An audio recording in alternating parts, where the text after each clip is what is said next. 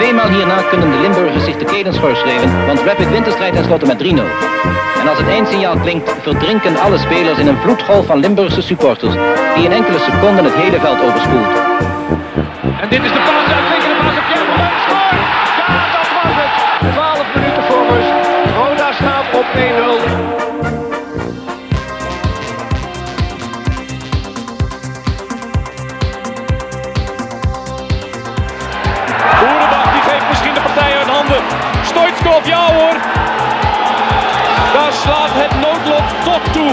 Fout van uitblinker Michel.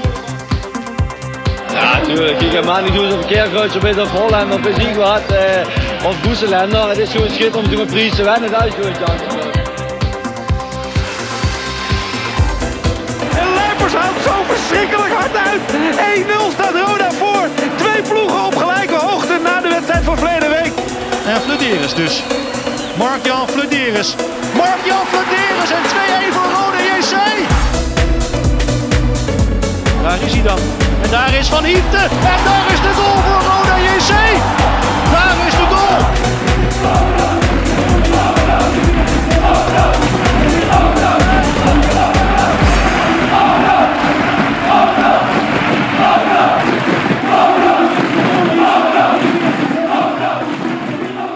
Je luistert naar The Voice of Calais.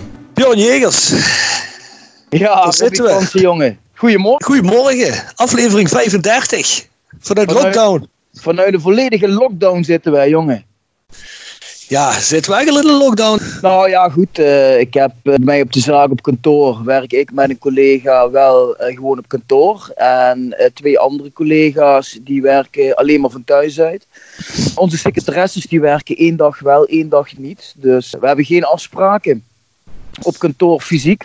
Eh, de rechtbank heeft eh, alle zittingen eruit gegooid. Dus wat dat betreft zijn er bijna geen eh, contacten van persoon tot persoon. Ja. Ja, en thuis, vrouwen en de kinderen, die zitten ook gewoon thuis. Af en toe ga je wel een beetje met de hond wandelen en dat soort dingen wel. Maar het contact met derden is wel tot een minimum beperkt. Waarbij we contact hebben met de vrouw en de kinderen dan, Bjorn, of niet? Die kan ik wel nog hebben, ja. Ja. Ik, dacht dat je die ook in lockdown had gezet. Nee, nee, nee. Ik ben daar ook heel dankbaar. Want terwijl ik op, op kantoor zit overdag en dan lees ik lekker mijn krantje. En dan, eh, dan moet zij thuis onderwijs geven aan de drie kinderen. Dus eh, Prima geregeld. Ja, bij mij is het heel simpel. Als eh, zelfstandige. Al mijn jobs zijn afgezegd tot eind april. Ja, het muzikantgedeelte van mijn leven is ook helemaal afgezegd. Bij mij is het heel simpel. Bij mij is gewoon al het menselijk contact ontnomen. Dus ja, wat kan ik zeggen? Het is niks meer met reizen. Nee. Nou goed, ik moet je heel eerlijk zeggen. Kijk, bij ons in de branche is het vaak heel erg stressvol. Heel erg druk. Eh, ja, goed, nu is dat allemaal eh, ja, misschien wel 80% teruggeschroefd. En voor een bepaalde periode van, nou, laten we zeggen, 1 tot 4 weken, is dat misschien ook nog best wel even lekker. Je komt dus toe aan, aan wat andere dingen die je normaal niet doet. Maar als het veel langer gaat duren dan dat, hè, dus, dus bij wijze van spreken, als het over mei heen gaat, juni, juli, die kanten op, ja, dan wordt het voor iedereen natuurlijk wel eh, problematisch. Ook, eh, ook financieel, denk ik, hè, jongen. Ja, bij mij heb ik nog een eh, aantal jobs staan, maar als die dadelijk ook verdwijnen, dan komt dan sowieso de zomerpauze. Ja, dat is voor mij in ieder geval wat ik qua zelfstandigheid doe aan training. En aan consultancy is dat altijd sowieso een gaatje, dus dat is niet goed. Als er dan festivaltechnisch nog zaken gaan uitvallen wat de band en het tourmanagement aangaat, dan wordt het wel heel erg dun tot september. Kortom, ja, dan moeten we gaan husselen, hè. Moeten we ergens anders centen vandaan zien te halen op de een of andere manier. Wie weet zien we elkaar het kader van je beroep nog wel een stukje eerder als gedacht. Nou ja, goed, wat ik begrijp is dat de mensen die in een wietaxi rijden, die hebben goede business op dit moment. Dus zou je nog tijdelijk iets anders moeten gaan doen, dan eh, heb je bij deze de tip van de week. Ja, nou, dat is mooi. Dat vind ik goed, dat vind ik goed. Nou, laten we dan maar onze sponsoren eh, noemen, want die hebben het volgens mij net zo hard nodig. Tenminste, als ze nog open zijn. Ja, Rob, eh, kijk, Nextdoor Kapsalon Nagel en Beauty Salon aan de Locht 44A8 in Kerkrade is eh, deze week helemaal gesloten. Dat zal, eh, naar het zich uitziet, ook wel voorlopig zo blijven. Ja, dat is erg jammer natuurlijk. Nou, dan hebben we Jegers Advocaten wel nog open, zo te horen, in hibernate-modus. Jullie zijn nog altijd open, geloof ik, hè? Telefonisch bereikbaar, per e-mail bereikbaar. Bepaalde zaken lopen natuurlijk toch gewoon door. Hè? Alleen, ja goed, we, we doen even geen afspraken eh, face-to-face. Wel bereikbaar, wel open. Werken nog steeds iets minder hard, maar nog steeds niet zo grijnig. Ja, dat, dat dacht ik toch net even toen het met die Skype-call niet lukte. Dacht ik toch even dat, eh, dat het niet zo grijnig wel voorbij was. Maar het heeft zich hersteld. Ik kan nog wel eens af en toe een tikje opvliegend reageren, maar dat is zo wel weggetrokken. Ja, ja, ja. Je hebt eigenlijk een goed hart, hè. Laten we het dan maar ophouden. Vooral als ik mijn beurs kwijt ben. Ja, ja, ja. ja nou, die kan op het moment nooit ver zijn, natuurlijk. Een hotelrestaurant Veilerhof. Ingo is wel dicht, heb ik gezien. Ik denk herberg eh, de Bernardeshoeve, onze andere sponsor. Zijn die ook dicht? Ik denk het wel. Ja, hè? ja, die zijn ook dicht. Dat moet wel. Hè. Ik weet dat Ingo nog even heeft getwijfeld of, of hij wel eh, eten zou bezorgen bij de mensen. Heeft uiteindelijk toch Mhm. van afgezien. Maar Veilerhof en Bernardeshoef op dit moment is helemaal dicht. We moeten hopen dat de regering dadelijk met een goed steunpakket komt voor dat soort ondernemers. En laten we in ieder geval zeggen, op het moment dat ja, dit soort zaken weer open gaan, laten we die mensen ook steunen. En daar weer een hapje gaan eten. Ja, dat sowieso. Hè. Je moet sowieso proberen deze mensen, onze sponsoren te steunen. Het zijn allemaal rode mensen die ons een hand onder de riem steken. Zowel mentaal en ook financieel al eh, drie kwart jaar lang dat we met de podcast bezig zijn. Ik- vind het niet meer als normaal dat als je een rode hart hebt, dat je ook probeert ergens bij mensen met een rode hart misschien je ontbijtje of je diner te consumeren. Of naar de kapsalon te gaan, hè, of wat dan ook, daar hebben we het al over gehad. Maar in deze harde Ja. tijd zeker is dat een, eh, een extra iets, hè, als het dadelijk open gaat, om daar misschien iets aandacht aan te besteden als je dan al ergens heen gaat. Ja, we moeten elkaar toch helpen, hè? Uiteraard, dat is heel belangrijk. We hebben GSM Music, www.gsmmusic.com voor het harde muzieksegment. Hoe zit dat in eh, Roemenië op? Uh, Theo ook een lockdown of eh, valt het daar mee? Nou, die was laatst hier omdat hij eh, merchandise doet voor Mabel. En die was al net voor die tour werd afgezegd, was hij al in Duitsland. En die was bang dat hij twee weken in quarantaine werd gestopt toen hij uit Duitsland zou komen. Maar dat is gelukkig nog wel oké. Zoals gezegd, die woont in een kleiner dorpje daar. Hè. Dus eh, ja, hoe, hoe ver dat daar al is doorgedrongen, weet ik niet. Maar eh, in dat soort landen zijn ze meestal wat radicaler. Hè. Ik heb Theo overigens laatst een berichtje gestuurd en gezegd van Theo, ik wil ook eens een keer naar eh, Roemenië. Toen heeft hij gezegd van ja, je hoeft het maar te zeggen, je bent welkom. Dus Nou, dat, dat wordt toch een tripje waar we in de toekomst eens aan moeten denken. Denk het ook. En dan hebben we Rapi autodemontage op de log 70 te Kerkrade. Ik weet niet hoe dat op dit moment met Pascal is. Zouden ze wel nog auto's slopen of zijn die ook dicht? Nee, ik denk dat dat wel doorgaat, toch? Ja, ik geloof dat je daar wel genoeg social distancing hebt. Als je zo'n auto bent slopen, ik denk niet dat ze dat met vijf man tegelijk doen. Denk het ook. Ik denk dat je daar nog altijd wel terecht kunt. Dan hebben we de internetgroep Limburg slash iPhone reparatie Limburg aan het Wouderpad 7 in Beek voor al je webdesign. Ja, die gaan zeker door, hè, want dat is allemaal webgebaseerd wat daar gebeurt. hè, Behalve dan de iPhone reparatie, maar dat zal misschien ook nog wel kunnen. Dan hebben we stok grondverzet in Simpelveld. Ja, die zal ook wel doorgaan, denk ik, Leo, toch? Die, eh, die, graaft, eh, die graaft gewoon stug door. Ja, ik je zou denken van wel, maar ik weet het niet. Misschien dat daar ook wordt gesuggereerd dat er te veel menselijk contact is, ik weet het niet. Als je dit hoort, laat ons even weten wat je doet. Het is natuurlijk wel altijd leuk om dat even te benoemen. Dan hebben we inderdaad Willeweber Keukens aan de Boebegraaf 1 in Schinveld. Keukendesign voor elke beurs. We hebben van Ooije Glashandel sinds 1937 kwaliteitsglasset en reparatie dag en nacht service. Al weet ik niet of die dag en nacht service nou natuurlijk nog eh, actief is. Ik zou eerlijk gezegd niet weten, ook Willem Weber Keukens niet, of daar nog veel gebeurt. Maar ik hoop voor de jongens van wel. Ik hoop het ook. Als ze dit horen, laat ons even weten hoe het er bij jullie aan toe gaat. Quick Consulting, Change Management door empowerment van je medewerkers. En dan hebben we Wiert's personeelsdiensten. Dat is onze nieuwste sponsor, Bjorn. Als je een nieuwe baan zoekt of je bedrijf versterking kan gebruiken, ga je naar Sean en Mark van Wiert's personeelsdiensten. Die hebben hun kantoor op de derde verdieping van het PLS. Daar kun je altijd bij terecht. Nou, zeker. Toch mooi dat we er weer een mooie sponsor bij hebben. Personeelsdiensten. Mark en Shaw. Ja, zeker. En ook meteen voor een half jaar gecommit. Daar zijn we erg blij mee. Kijk, mooi. Eh, we hebben een uh, tijdje terug, of tijdje terug, we zijn eigenlijk elke uitzending zijn we bezig met kaarten weggeven. We hadden eigenlijk voor Go Eagles kaarten weg willen geven en voor Jong PSV, maar die wedstrijden gaan allemaal niet door. Nou ja, wat wij wel doen, en dat zullen we ook nog wel communiceren, is voor de eerstvolgende thuiswedstrijd zijn die twee kaartjes natuurlijk te winnen, wat voor wedstrijd dat ook is. Tegen die tijd ga je ook maar weer eens kijken op rodejc.nl slash ticketing voor kaartjes te kopen. Maar prijsvraag staat nog altijd, wie is die Nederlandse trainer die bij dat Engelse team terecht kwam op basis van het Moneyball-principe? Die werd uh, gehaald naar Engeland, naar het team toe. Omdat hij zo goed gepresteerd had op basis van allerlei data-analyse. En uh, wij zoeken de naam van de trainer en het, uh, en het team. En dat mag je opsturen naar ons e-mailadres thevoiceofcalais@south16.com. Ja, er is uh, een dikke week geleden één luisteraar geweest die het goede antwoord heeft ingestuurd. Dat was volgens mij uh, Jeroen van der Rij. Toen noemt die jongen zich Pino op Twitter, zeg ik even uit mijn hoofd. Die had het goed, maar we zoeken natuurlijk nog meer mensen die die prijsvraag willen winnen. Voor het geval dat we hopelijk weer wedstrijden dit Dus je gaat me dan vertellen dat diegene het getwitterd heeft? In een privébericht. En een privébericht heb ik een fotootje van gemaakt die heb ik jou doorgestuurd. Ah ja, maar ik krijg zoveel onzin van jou. Door al die naaktfoto's uh, moet jij hem allemaal opsturen, die filmpjes. Ja, dat weet ik van voor en achter niet meer. Dus dat delete ik redelijk snel allemaal. Nee, dat kan. Maar ja, dan zie je wel weer, dan, eh, de mis je de helft, hè. Ja, schijnbaar wel. Gepresenteerd en geproduceerd wordt de podcast zoals altijd door South 16.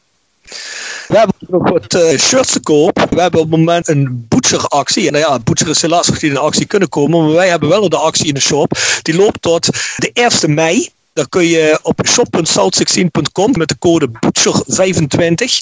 Als je bij de checkout zit, dus als je op de betaalpagina zit, kun je het invullen en kun je 25% op je hele bestelling krijgen. Nou, die actie, zoals gezegd, die loopt nog een week of twee. Ja, ga daarheen, probeer ons te ondersteunen. Want zoals gezegd, we hadden het net al over hulppakketten en dergelijke van de staat voor allerlei bedrijven. Nou, hier in Duitsland zijn ze nog helemaal niet zo ver met dat soort zaken. Ja, in sommige provincies of landen, zoals ze het hier noemen, wel. Hè. De kleinste ondernemers, de eenmanszaken, de ZZP'ers in Duitsland, zijn ze in het land Noord-Rijn-Westfalen in ieder geval nog niet op het punt dat ze een pakket hebben samengesteld. Dus ja, het wordt eventjes met de billen knijpen, vermoed ik, de komende maanden. Dus als je wat geld kwijt kunt, nou, ik zou zeggen, koop een shirtje. Zeker weten. En er zitten een aantal fraaie exemplaren bij. Dus uh, ga daar kijken. Rob, volgende punt, jongen. Ik heb een tip van de week. Nee. Ja, ik heb een tip van de week.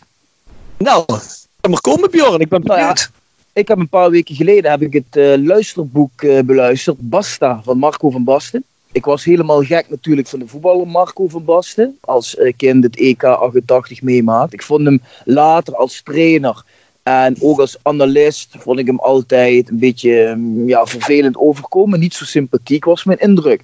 Dus uh, ik zag dat boek voorbij komen. En eerst had ik zoiets van, ja, Marco van Basten uh, interesseert me dat eigenlijk wel. Maar ik heb hem toch aangezet en ik heb hem eigenlijk in één ruk afbeluisterd. De problematiek met zijn knie staat centraal, maar hij neemt je eigenlijk mee door zijn hele carrière. Beginnen bij Ajax en dan naar AC Milan, Nederlands elftal, hoe dat allemaal gegaan is en welke rol die knie altijd gespeeld heeft. Dus is toch wel echt interessant. Iemand die van, ja, die van sport houdt, die van voetbal houdt, is, zal dat uh, ongetwijfeld een boeiend uh, boek vinden. Ja, zeker in deze tijd waar de meeste mensen eigenlijk thuis zitten. In ieder geval als ze op hun werk zitten, maar uh, misschien uh, toch heel erg gelimiteerd iets te doen hebben. Ik weet niet of ik dat moet promoten. Audioboeken op je werk luisteren, maar uh, doe ik toch. Even in ieder geval iedereen ja. tijd voor, denk ik. Hè?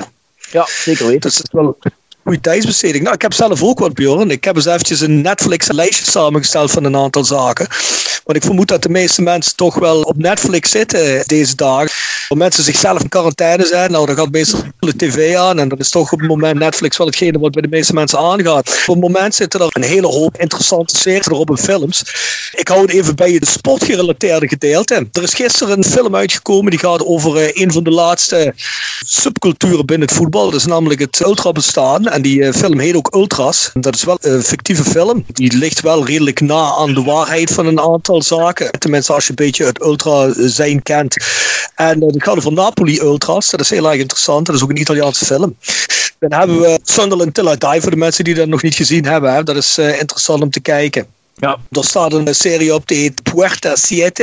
Het gaat over Argentijnse ultras, over Barras Bravas. Er zit wel heel veel fantasie bij. Dat is meer een criminele serie dan dat het een voetbalserie is. Ja, goed, het is wel interessant om te kijken.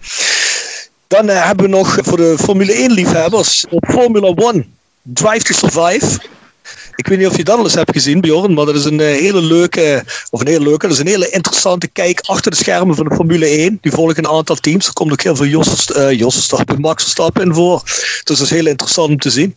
En dan misschien wel of niet op Netflix, dat kan ik even niet zeggen. Ik zit in Duitsland op Netflix, dus het kan zomaar zijn dat dat in Nederland op een andere streaming aanbieder zit. Maar anders moet je even zoeken. We hebben dan vaker gehad over Moneyball. Die film is al wat ouder, hè, maar dat gaat over het data-analyse principe en uh, hoe daarop wedstrijden worden gewonnen. Dat gaat in dit geval over baseball wel. Dan heb je nog Any Given Sunday, is ook wat langer uh, geleden dat die uit is. Over American football met Al Pacino, is ook een hele ruige film. Dan heb je Southpaw, dat gaat over boksen. Dat is ook allemaal fictief, maar allemaal interessant. En twee laatste zaken wil ik nog heel even verwijzen. Je hebt Last Chance You, dat is... Een Netflix real life docu eigenlijk over jongens die laatste kans krijgen, die zeer getalenteerd zijn in American football en laatste kans krijgen, die met allerlei problemen hebben gezeten, crimineel zijn geworden, van de drugs zijn geraakt, die nergens meer een kans krijgen. En dat is uh, ook interessant om te volgen. Er zijn ook een stuk of drie seizoenen van. En wat echt heel erg leuk is om te kijken en ook heel goed is gemaakt, dat zijn de 30 for 30 series van ESPN. En 30 for 30, dat zijn eigenlijk allemaal documentaires. Ja, die gaan van een uur tot twee uur. Dat ligt een beetje aan wat voor thema en waar het over gaat veel Amerikaanse sport, maar ze hebben ook een afdeling die heet Soccer Stories. En ja, je merkt al dat het Amerikaans is. Ze noemen niet football stories, maar soccer stories. En daar zitten hele, ja, vaak ook ingrijpende achtergrondverhalen bij. Bijvoorbeeld het hele Hillsborough drama wordt uit elkaar geplukt en bekeken. Dan is er een verhaal over uh, Osvaldo Ardiles, die tijdens de Falklandoorlog voor Tottenham Hotspur speelde. Ja, Osvaldo Ardiles kennen misschien de jongeren onder ons niet, maar het was een heel getalenteerde en een van de meest bekende Argentijnse voetballers eh, van de laatste 30, 40 nou ja, er zitten hele interessante documentaires bij. Als je die kunt vinden, dat is wel echt de moeite waard. En er zijn ook volgens mij drie, vier seizoenen van. Nou, daar kun je je pret wel mee op in deze quarantaine, denk ik. Nou, ik hoor het al. Mensen die de komende weken binnen moeten blijven, die hoeven zich niet te vervelen. Nee, zeker niet. Als je een beetje geïnteresseerd bent breed in sport, dus ook Amerikaanse sporten, dan is er echt wel uh, heel veel te vinden. En, ik moet zeggen, Bjorn, uh, ik heb daar toch de afgelopen week heb ik me daar wel lekker mee bezig gehouden. Ja, ik heb wel een teaser gezien van die uh, serie Ultras op Netflix. Dus die stond bij mij in ieder geval ook bovenaan het lijstje om die te gaan kijken. Maar ja, ik ben nu nog met Vikings bezig, laatste seizoen. Dus die moet ik eerst even afkijken. En dan, dan komt er weer wat nieuws voor in de plaats. Ik denk dat het dan inderdaad Ultras gaat worden. Ja, het is wel een film, hè. Dus het is een uur 40 minuten, het is geen serie dus. Oh, film. Ja, goed, dan kijk ik toch een film. Ja, dat is niet erg, hè. Nee, helemaal niet, jong. Dat zijn de tips van de week. Verder, ben je meer een lezer? Dan wil ik nog heel even de hand doen, nu we toch de tijd hebben, Bjorn. Dus uh, who the fuck cares? Twee Roda-boeken die we volgens mij nog niet genoemd hebben. Het eerste is Arnold. En dat is mhm. de biografie van Arnold Hendricks. Het is geschreven door Theo. Ja, die heb ik ook hier liggen. Die liggen moment voor me. Hij is met hele grote letters geschreven. een hele grote lettertype. Daar kun je redelijk snel doorheen. Of je nou van hem hield of niet. Arnold Hendricks is uh, denk ik een van de belangrijkste mensen geweest in de Roda-historie. En het is altijd interessant om zijn levensverhaal te lezen. En dan heb ik hier nog het boek liggen over misschien wel de bekendste Roda-speler in onze geschiedenis, Dick Nanninga. En dat is een boek dat geschreven is door Jeroen Siebelink. En dat heet De Lange. En dat is ook het levensverhaal van Dick Nanninga. En dat is wel heel erg interessant om te lezen, omdat dat natuurlijk, ja, zeker na zijn dood, is wel een, eh, en hoe dat, dat toegekomen is, wel een ingrijpend uh, verhaal. En goed, als je één keer aan bezig bent, lees je het ook zo uit. Dus dat is, ja, wel heel erg interessant voor de niet-tv-kijkers en de niet-audioboek- of Spotify-luisteraars onder ons. boek van Dick Nanninga heb ik nog niet. Die van uh, Arnold Hendricks heb ik wel. Die heb ik hier in de boekenkast staan. Ik ben er nog niet aan toegekomen, maar het is goed dat je mij er even aan remind. Want ja, moeten we wel nog een keertje oppakken. En zeker in de tijden waar we nu in zitten, dat, uh, ja, dat je het even moet doen zonder Roda dan mis je toch wel weer een beetje dat Roda-gevoel. En dan grijp je toch weer eerder ja, naar zo'n boek wat aan Roda gerelateerd is natuurlijk. Breng ons eigenlijk bij het eerste thema van ons uh, lijstje. De huidige situatie met het coronavirus en, en het feit dat, uh, ja, de, dat de competitie uh, stil ligt. Denk jij Rob dat wij het huidige seizoen nog af gaan maken? Ja, dat is de vraag. Hè? Ik denk omdat ze het EK hebben opgeschoven naar de volgende zomer. Dit is mede gedaan natuurlijk omdat ze denken dat ze het ook niet meer georganiseerd krijgen. Het lijkt me ook, ik denk dat juni of juli wanneer ze dat beginnen, juni volgens mij. Het lijkt me ook een beetje kort dag, zoals het nu gaat. Want elke dag kan de situatie zomaar veranderen. Niemand weet echt wat er gaat gebeuren over een week zelfs. Maar het laat natuurlijk wel een beetje ruimte voor het beëindigen van competities mochten we zomaar weer dat hele quarantainegeval gaan opheffen in al die landen. En ook als de situatie misschien iets ontspannender wordt, dat wij al is het zonder publiek de competitie misschien kunnen uitspelen. Kijk, voor ons als Roda JC, denk ik, maakt het niet veel uit of die competitie nou uitgespeeld wordt of niet. Maar dat is denk ik vooral belangrijk voor de clubs die bovenin meedraaien de keukenkampioen-divisie. Heb je het over een Volendam, heb je het over een Graafschap, heb je het over een Cambuur, wat gaat er gebeuren? Ja, kijk, als er wordt beslist, de competitiestand is zoals die is. En dat is de eindstand, daar zal Cambuur natuurlijk blij mee zijn. Maar de Graafschap die op een paar punten staat, volgens mij misschien maar op één punt. Die zijn er niet zo blij mee. Dus die gaan zeggen van ja jongens, uh, we hadden die gasten misschien kunnen inhalen. En datzelfde geldt natuurlijk ook voor de start van de eredivisie. Hè, waar het om promotie- en degradatiewedstrijden gaat. Of directe degradatie. En natuurlijk het kampioenschap van Nederland. Ik denk dat een AZ niet blij zal zijn als ze nu de stand invriezen. Dus... Uh, ja, kijk, ja, voor ons als Rode JC zijnde zou ik het helemaal niet erg vinden als ze er nu een streep onder trekken. Want wij hebben emotioneel misschien toch wel een beetje afstand genomen van dit seizoen. enige reden waarom het leuk voor zou zijn, is omdat we natuurlijk uh, Boetcher gunnen. Dat hij als trainer nog een aantal wedstrijden op die, op die bank mag zitten. En zo met een mooier einde van ja, zijn trainerscarrière bij Rode JC kan komen. Maar ik denk dat het met name ook van belang is om te kijken naar komend seizoen. En de vraag of we dan uh, op tijd aan die competitie kunnen gaan beginnen. Want als je dadelijk nog in juni of juli het huidige seizoen moet afmaken, dan zou je het komend voetbalseizoen ook natuurlijk moeten gaan opschuiven. En het wordt daar denk ik daardoor allemaal niet eenvoudiger op. Maar goed. Op zich, ja, ik bedoel, mensen zeggen wel eens van ja, kijk, als je het nou al speelt in juni, juli, of je duwt die wedstrijden allemaal op elkaar, we hebben nog over acht, negen wedstrijden. In principe kun je die in een, als je het echt heel compact maakt, zou je die in een maand kunnen uitspelen. Dat is wel minimaal twee wedstrijden per week. Zeker, zeker. Nou ja, dat vier weken lang maken er een Engels programma van. Dan ben je in juni in principe klaar of in juli. Je zou in principe een week later gewoon met een nieuwe competitie kunnen beginnen. Er wordt natuurlijk wel gezegd, ja, dat kan allemaal zomaar niet. Ik bedoel, we zitten nu in een rustpauze. Dat kun je vergelijken met een, met een zomerbreak. Voor de spelers, voor de rustperiode, hoeven we het in principe niet te doen. Wat natuurlijk wel moeilijk wordt, hoe ga je dat doen met transfer deadlines? Hoe ga je dat doen met uh, het, het opbouwen van een nieuw team? Wanneer is ja. een speler speler transfereerbaar? Wanneer loopt zijn contract dan af? Als dat op het einde van zo'n competitie is, dan zou je in principe maar een week hebben om weer nieuwe mensen vast te leggen voordat je een nieuwe competitie begint. Dus daar zie ik wel een probleem. Ja. Maar voor de rest, we zullen moeten roeien met de riemen die we hebben op het moment. En als dat betekent dat er een paar dingen aangepast moeten worden, of dat we straks een paar weken lang of een paar maanden lang Engelse weken moeten spelen om weer gewoon terug te komen op schema. Ja, misschien moet dat ja. dan maar gewoon dat zal het probleem niet zo zijn. Alleen kijk, als je pas in juli weer kunt gaan voetballen en die spelers hebben drie maanden thuis gezeten, zul je ook nog wel weer eerst een kleine voorbereiding moeten doen. Want die kun je natuurlijk niet van de bank op het veld zetten en je gaat meteen twee wedstrijden in de week doen. Dat zal een te grote belasting zijn. Weet je, Bjorn, dat vind ik eigenlijk, dat begrijp ik wat je daar zegt, maar dat vind ik eigenlijk ergens vind ik dat raar. Spelers maakt het mij niet uit wat ze krijgen per maand. Bij Roda zitten natuurlijk niet de best betaalde spelers. Zeker niet op dit moment. Maar een speler krijgt betaald om zijn beroep uit te oefenen. Dus van die spelers worden ook geacht dat ze op dit moment nu ze nog gewoon naar buiten kunnen. Ga rennen. Hou je conditie op peil. Nee, dat is duidelijk. Dat... Maar ik ga ja, uit van de situatie dat dit nog maanden gaat duren. Want dat is ook niet uitgesloten. Als dat het geval is, dan zitten we natuurlijk met een heel ander probleem. Maar ik ga er vooralsnog hopelijk nog even vanuit dat we gewoon na de zomer met een competitie kunnen beginnen. Dus dat moet ook niet langer duren, want dat komt ook op het volgende punt. Wat gaat dit met de financiële situatie gebeuren? Want wij zeggen we allemaal van ja, misschien is het beter als de competitie nu ten einde is. Maar is dat ook zo voor de inkomsten van de vereniging? Ik bedoel, er zitten niet heel veel mensen op de tribune op het moment, dat klopt. Maar zelfs dat geld raak je dan kwijt. Zelfs die omzet in de catering raak je kwijt. Die verkoopt niks meer in een fanshop. Er zijn gewoon geen inkomsten meer. En ja, dat moet toch ook eigenlijk moordend zijn voor Roda en zijn financiële situatie op het moment, me. Ja. ja, goed, kijk, ik denk uh, dat je wel terecht aanhaalt dat de omzet bij Roda sowieso minimaal is. Dus, maar goed, je mist daar denk ik wel iets. Van de andere kant bespaar je waarschijnlijk ook op kosten als er geen wedstrijden zijn die je normaal wel hebt. Dus dat heft zich wel weer een beetje op. Maar je moet langzaam natuurlijk toch gaan kijken naar de overheid en de KNVB. Want daar moet je daar wel van verwachten dat als dat nog veel langer gaat duren, zullen die ook met een uh, steunpakket voor de clubs moeten komen. Want anders gaan clubs gewoon te veel grote financiële problemen krijgen. En uh, de KNVB heeft ook wel de nodige spek op de ribben. Dus die zullen daar ook denk ik met een noodpakket moeten gaan komen. Want ja, zeker voor clubs als Roda en nog een hele hoop andere clubs die het financieel lastig hebben, zijn er toch wel behoorlijke tikken die je dan krijgt. Dus daar kun je die clubs niet in alleen laten staan, denk ik.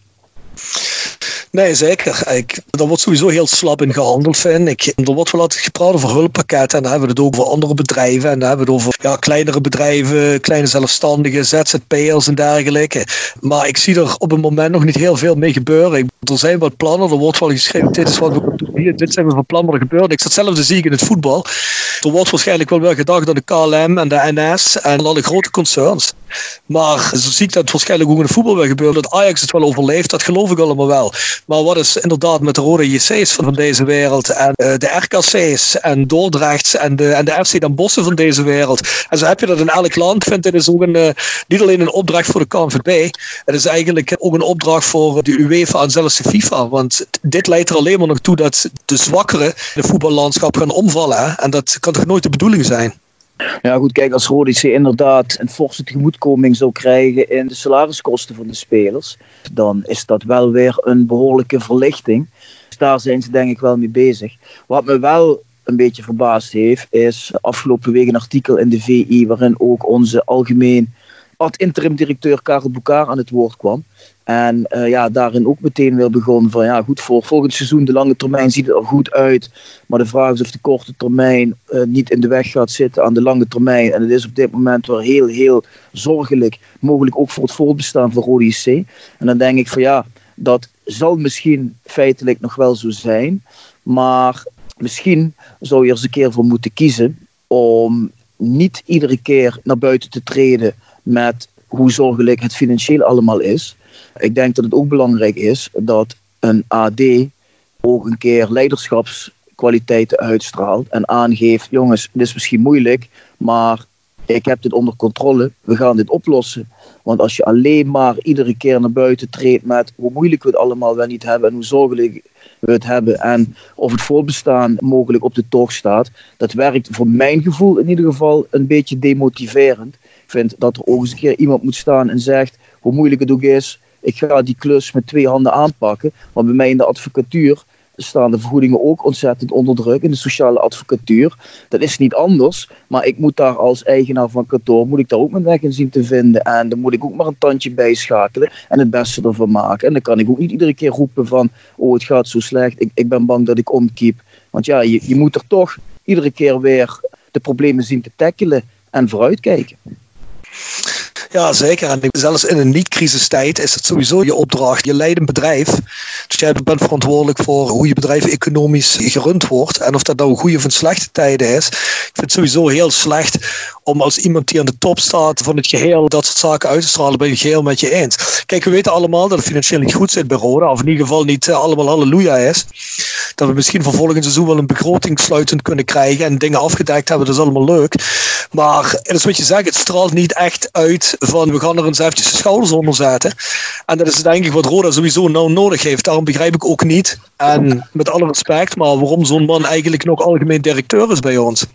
Er moet eigenlijk eens een keer gerealiseerd worden dat die taak serieus genomen moet worden. Want er zijn wel een paar podcasts geleden, hebben we het er al over gehad.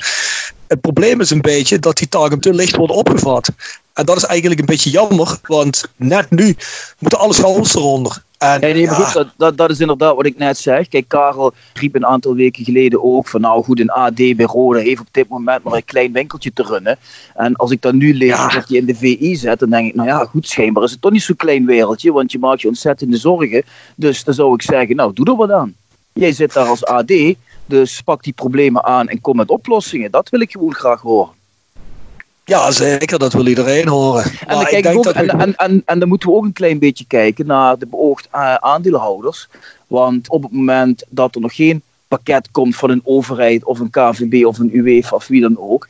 Ja goed, dan is dit een tegenvaller. Maar ik denk dan maar altijd zo, als ik morgen een huis koop en ik ben eigenaar van het huis en uh, twee maanden later valt het dak eraf. Ja, dan is dat ontzettend balen. Maar ik heb toch een verplichting als huiseigenaar. En zal ik er toch moeten investeren in een nieuw dak? Of ik dat nou leuk vind of niet. En als je eigenaar wil zijn van een voetbalclub, dan weet je dat dat een branche is waarbij je vaak nogal wat geld moet bijleggen. En als er nu een tekort ontstaat vanwege dit probleem, ja, dan ben je als eigenaar in eerste instantie toch die verplichting aangegaan om dat probleem dan te tackelen, ook in financiële zin. Zeker. Maar ik begrijp ook niet waarom deze tijd niet benut wordt. Misschien gebeurt dat ook wel, dat weet ik niet. Maar deze tijd benut wordt om misschien iets creatiever te zijn. Met proberen geld te verzamelen, weet ik veel. Dus met, met fan gebeuren om een tafel te gaan zitten. Nou, nou, tijd van social distancing, misschien niet letterlijk, maar misschien via Skype of via de telefoon. En eens uh, kijken wat daar samen gedaan kan worden. Ik heb gezien dat ze bij uh, Alemannia Agen verkopen ze nou uh, dus goldene ticket. dus een gouden ticket. Daar, ja. daar zijn er duizenden van in de omloop. Ik weet niet precies hoeveel, misschien 25.000. En die worden verkocht. ja, ik weet niet of die door de. Volgens mij worden die door de fans verkocht. En het geld gaat dan naar Aken. Die willen volgens mij een kwart miljoen willen ze samenbrengen. Om de gemiste inkomsten in ieder geval van de thuiswedstrijden te compenseren. Zodat die vereniging in principe liquide middelen blijft krijgen. Kijk, dan zou je ook mee om de tafel kunnen gaan zitten met zo'n mensen bij Roda om te kijken van, ja, is dat iets? Ik vind gewoon, het hele verhaal is bij Roda een beetje dat het maar dan, dan, dan heb ik het niet eens meer over de situatie waar we op moment in zitten. Maar dat familiegevoel ontbreekt. En dat naar elkaar toe proberen te kruipen in een tijd van crisis. Dat zie je wel bij de fans altijd. Dan gebeurt dat constant. Maar de vereniging houdt zich daar, of in ieder geval de vereniging op het hoogste niveau, houdt zich daar altijd een klein beetje afzijdig van. Terwijl het eigenlijk wel iets is waar we met z'n allen heen moeten werken. Want ik denk als we niet met z'n allen erin werken, dat ze dat vertrouwen niet in elkaar weer beginnen te herstellen. Ja, dan kunnen we dan niet gemakkelijk over dat soort hobbels heen komen zo steeds. Want ik denk, Karel Bukar, goede algemeen directeur of niet, en wat hij ook eh, te vertellen heeft, of dat interessant is of niet. En ik denk dat we met z'n allen, als we proberen met z'n allen, maar dan ook allemaal in één richting, de schouders eronder te zetten, dat dat één, veel effectiever is. Twee, veel betere uitstraling naar buiten heeft. En drie, dat dat misschien de vereniging weer als een uh, familiaire vereniging zoals die vroeger was, weer wat meer bij elkaar kan smelten. En ja, net in deze tijd vind ik het daarom ook mooi bijvoorbeeld dat die jongens van de Ultras Kerkraad en ook uh, NSC die actie zijn begonnen voor Roda-fans tegen corona om in de samenleving in de oostelijke mijnstreek proberen mensen te helpen die toch niet naar buiten kunnen of willen. En ja, ja. te ondersteunen met allerlei taken, winkelen of van alles en nog wat. De hart wat onder de riem wordt gestoken door de actieve fancommunity Roda voor verplegend personeel in de vorm van die spandoeken die op zijn gehangen uh, vorige week. Ja, dat zijn allemaal zaken. Dan voel ik toch een beetje dat de mensen in de oostelijke mijnstreek, dat die solidariteit misschien een beetje ja. begint te groeien en dat naar elkaar toe begint te kruipen. Ja. Ik hoop ook uiteindelijk dat dat veel goedwil kweekt en dat ook weer mensen daardoor vertrouwen krijgen, misschien in het Roda-gevoel, of weer een beter gevoel bij Roda krijgen. Ook omdat ze zien dat de actieve fanscharen niet alleen maar bezig is met zaken in het stadion, maar ook daarbuiten. En ik hoop dat dat weer een meer community-gevoel van Roda is van de oostelijke mijnstreek en Roda is van ons gaat creëren. Maar ik zou graag willen zien, en daar kom ik op het punt terug, dat de vereniging Roda daar ook een beetje in meegaat. En dat ze zich daar ook een beetje actief in maken. En dan heb ik het nog niet zozeer dat Roda mensen vanuit het uh, personeel moeten gaan helpen met, met winkelen en dergelijke. Maar wel dat bijvoorbeeld dat soort acties uh, gedeeld worden op internet. Maar ook dat je bijvoorbeeld naar die mensen toe gaat en zegt van ja jongens, in deze zware tijd willen we toch proberen iets meer naar elkaar toe te kruipen. Laten we communiceren. Er zijn de afgelopen half jaar is er van alles gebeurd. Maar laten we kijken hoe we het uit deze zware periode kunnen komen. Want laten we heel eerlijk zijn Bjorn. Hebben we deze periode overleefd. Het is allemaal een domino-effect. Dan moeten we maar nog eens even kijken wat er zo meteen over is. Hè? Want wie hebben we straks nog over voor een nieuw seizoen? Voor het werven van nieuwe sponsoren? Er zijn er misschien een hele hoop kleine sponsoren die misschien door dit soort zaken niet meer kunnen sponsoren omdat ze geen geld meer hebben. Of omdat ze compleet omgevallen zijn. Ja, maar dat, kijk, dat, is, dat is ook een beetje het punt. Hè? Kijk, maar mijn idee is er iets te veel een klaagcultuur. En moet je gewoon wat meer creatief zijn en, en oplossingen bedenken. En de community erbij betrekken. Zoals je net noemt, Aken doet dat ook. Waarom kan Roda zoiets ook niet doen? En ik snap op zich ook wel dat Rodi het moeilijk heeft. Maar er zijn ook heel veel middenstanders en kleine bedrijven en particulieren die het heel erg moeilijk hebben. En Roda is daar heus niet alleen in. Alle clubs krijgen het hierdoor lastig. En dan hoef ik niet iedere keer te lezen hoe lastig het is. Nee, maar zoek eens gewoon manieren om alles en iedereen aan elkaar te verbinden. Dat iedereen daar de schouders onder zet. En dat geldt ook voor die voetbalclub. En daarom vind ik het iets te veel geklaagd en iets te weinig oplossingsgericht. En daar zou ik wel graag in andere instellingen zien. Ja, weet je wat ik nooit begrijp, Bjorn? We zijn met die podcast begonnen drie kwart jaar geleden. En wij hebben gezegd, nou mensen, als jullie ons willen sponsoren, want we zijn er redelijk wat tijd in kwijt, wij maken er kosten mee, et cetera. Als jullie ons willen sponsoren, graag. Nou, er komen meteen een tik sponsors op de proppen vanuit het fangebeuren. Die zeggen, hey jongens, ik wil jullie graag sponsoren. Bijna maandelijks komt er wel eentje bij.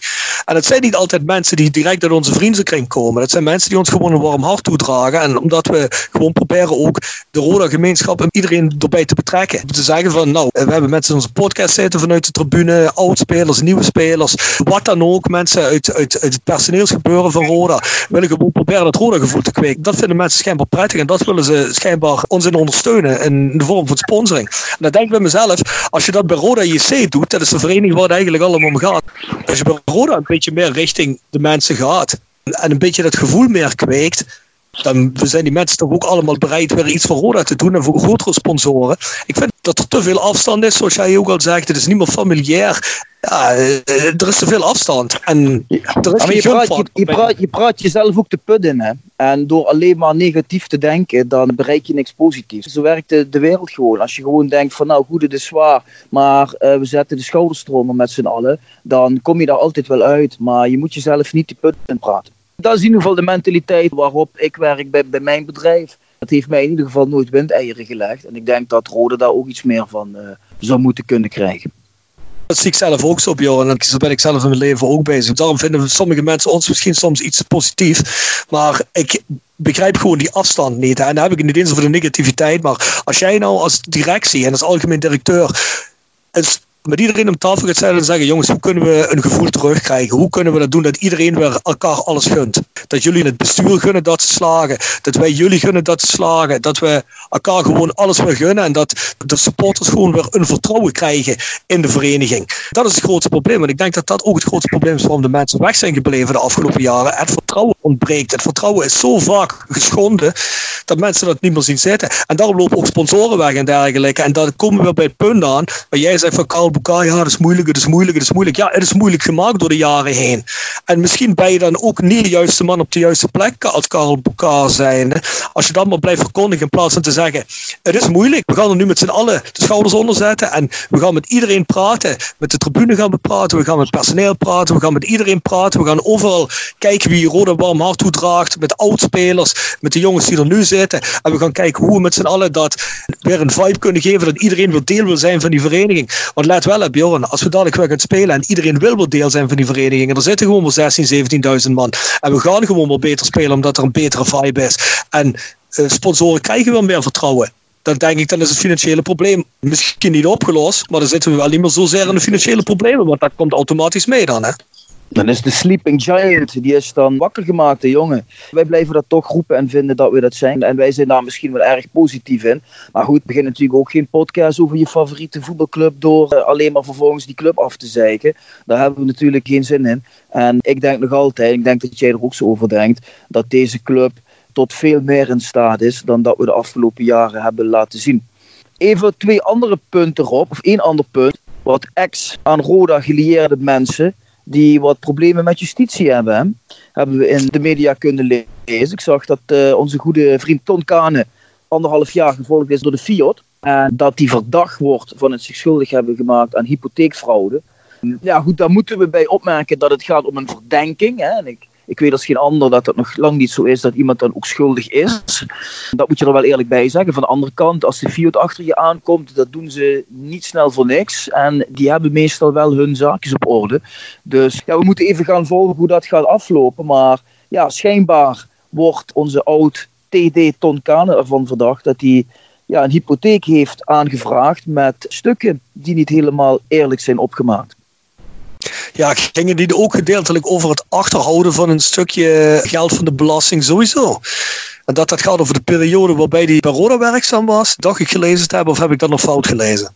Nou, het zou goed kunnen. Het ging in ieder geval over de Roda-periode, dat heb ik ook gelezen. En mij staat in ieder geval bij dat, dat, dat, dat er in ieder geval sprake zou zijn van een verdenking van hypotheekvrouw. En dat die, dat die een hypotheek zou hebben aangevraagd met vervalste loonstrook. Dus ik denk dat hij daar iets op heeft gezet dat hij meer geld uh, maandelijks binnenkrijgt dan dat je feitelijk waardoor je een hogere hypotheek hebt gekregen. Dus ja, dan zou je gesjoemeld hebben met officiële stukken. En ja, zoals gezegd, als die Fiat je over een lange periode volgt, dan stinkt het meestal wel, zeggen wij dan. Ja, als het over de rode periode gaat en de Fiat komt kijken en ze verdenken je van dat soort zaken, dan zal er toch wel iets van geld binnengekomen zijn. Ja, Ja. die ton hè. Misschien toch een paar eh, euro's verdienen aan al die bizarre transfers, hè? wie weet. Ja, ik had er al een tweetje over gestuurd. Van ja, goed, kijk, eh, dat dit nu gebeurt bij Ton. Komt niet als een mega shock. Omdat wij ja, natuurlijk toch wel al binnen Roda het idee hadden van ja, klopt dat allemaal wel wat Ton eigenlijk gedaan heeft in die hele periode. En eh, ja, goed, nu zie je dat justitie daar in ieder geval ook naar gaat kijken. Maar ja, goed, zoals gezegd, het is pas een verdenking en nog geen veroordeling. Dus we moeten maar in de krant gaan volgen hoe dat gaat aflopen. Er zijn in ieder geval al wat mensen die mij gevraagd hebben of ik Ton in die zaak bijsta. Nou, dat is in ieder geval niet zo. Anders zou ik daar nu natuurlijk ook niet mijn mening over verkondigen.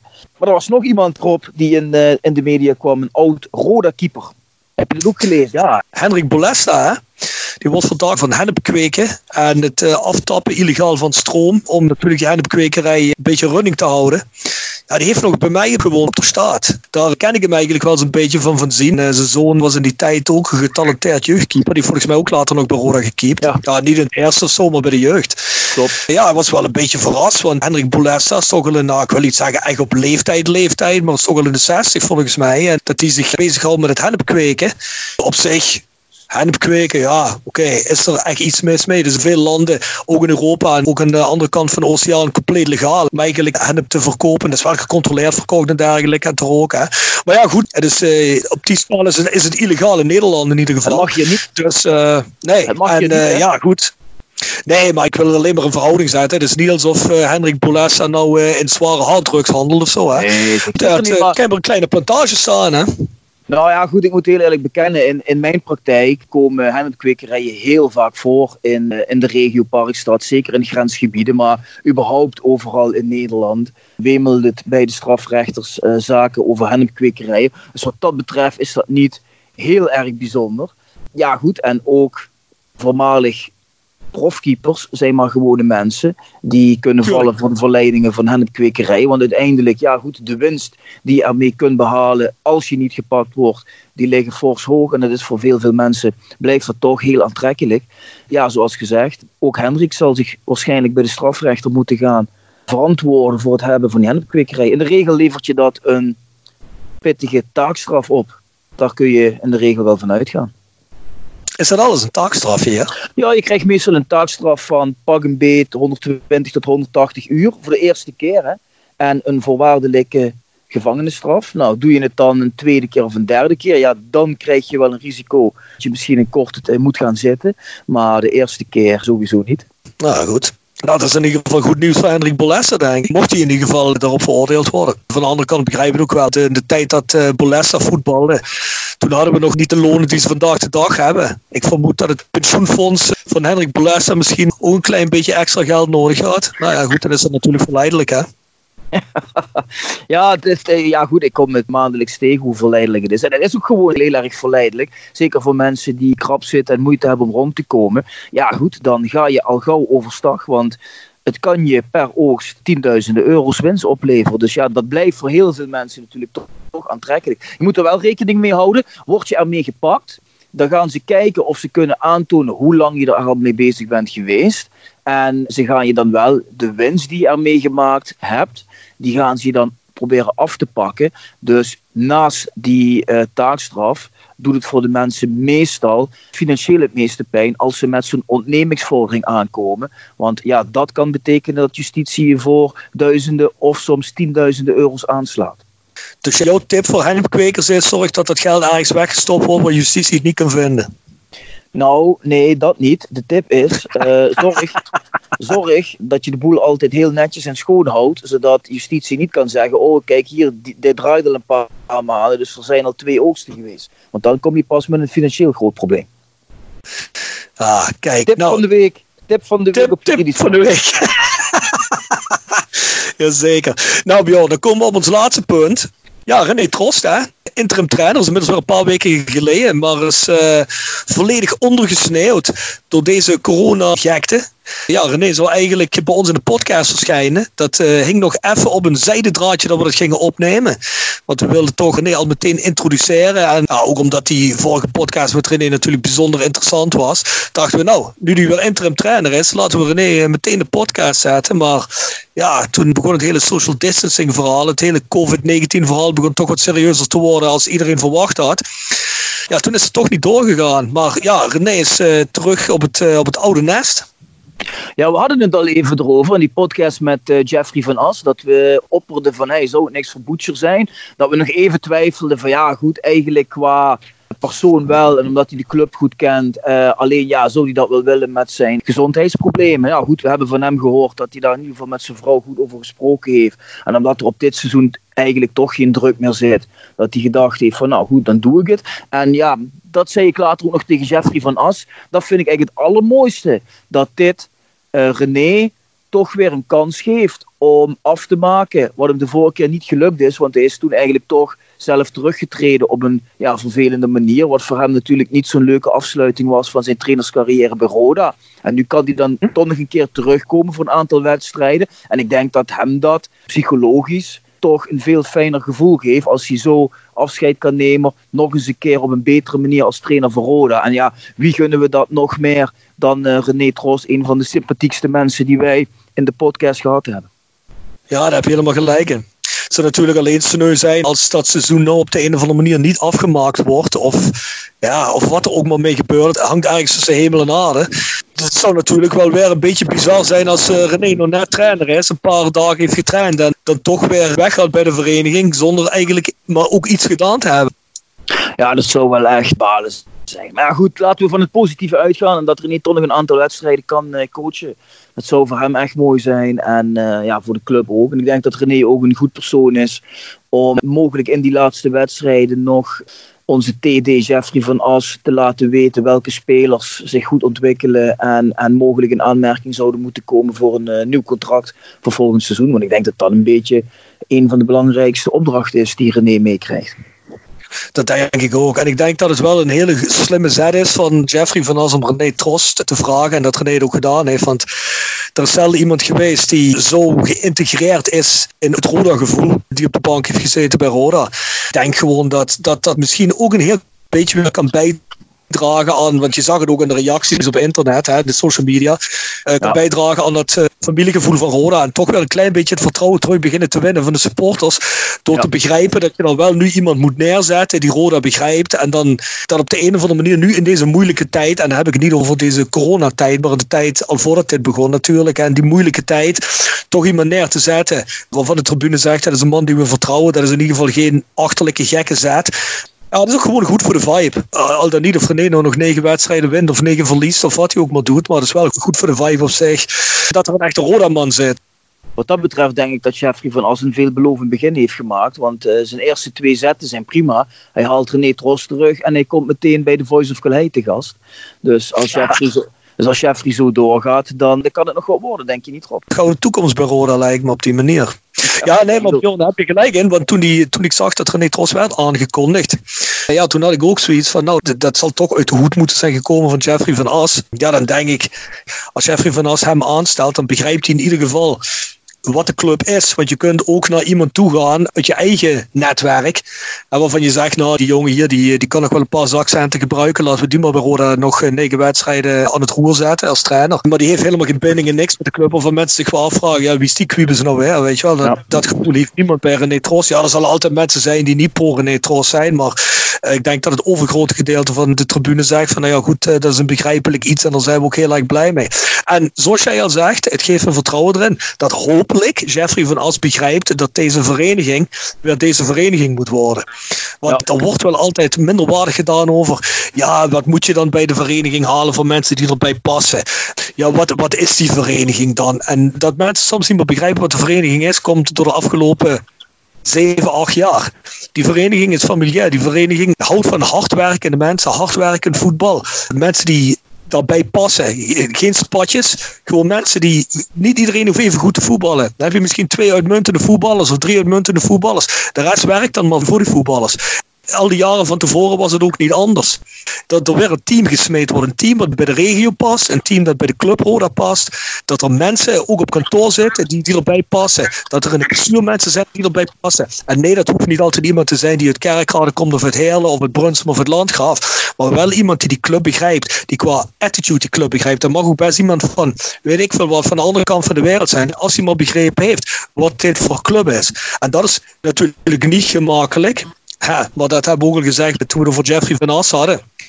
Dat is de taak van een TD. Die moet zorgen dat hij mensen kan vinden die bij die club passen. En daarom moet hij ook goed begrijpen, Jeffrey van As, wat dit voor club is.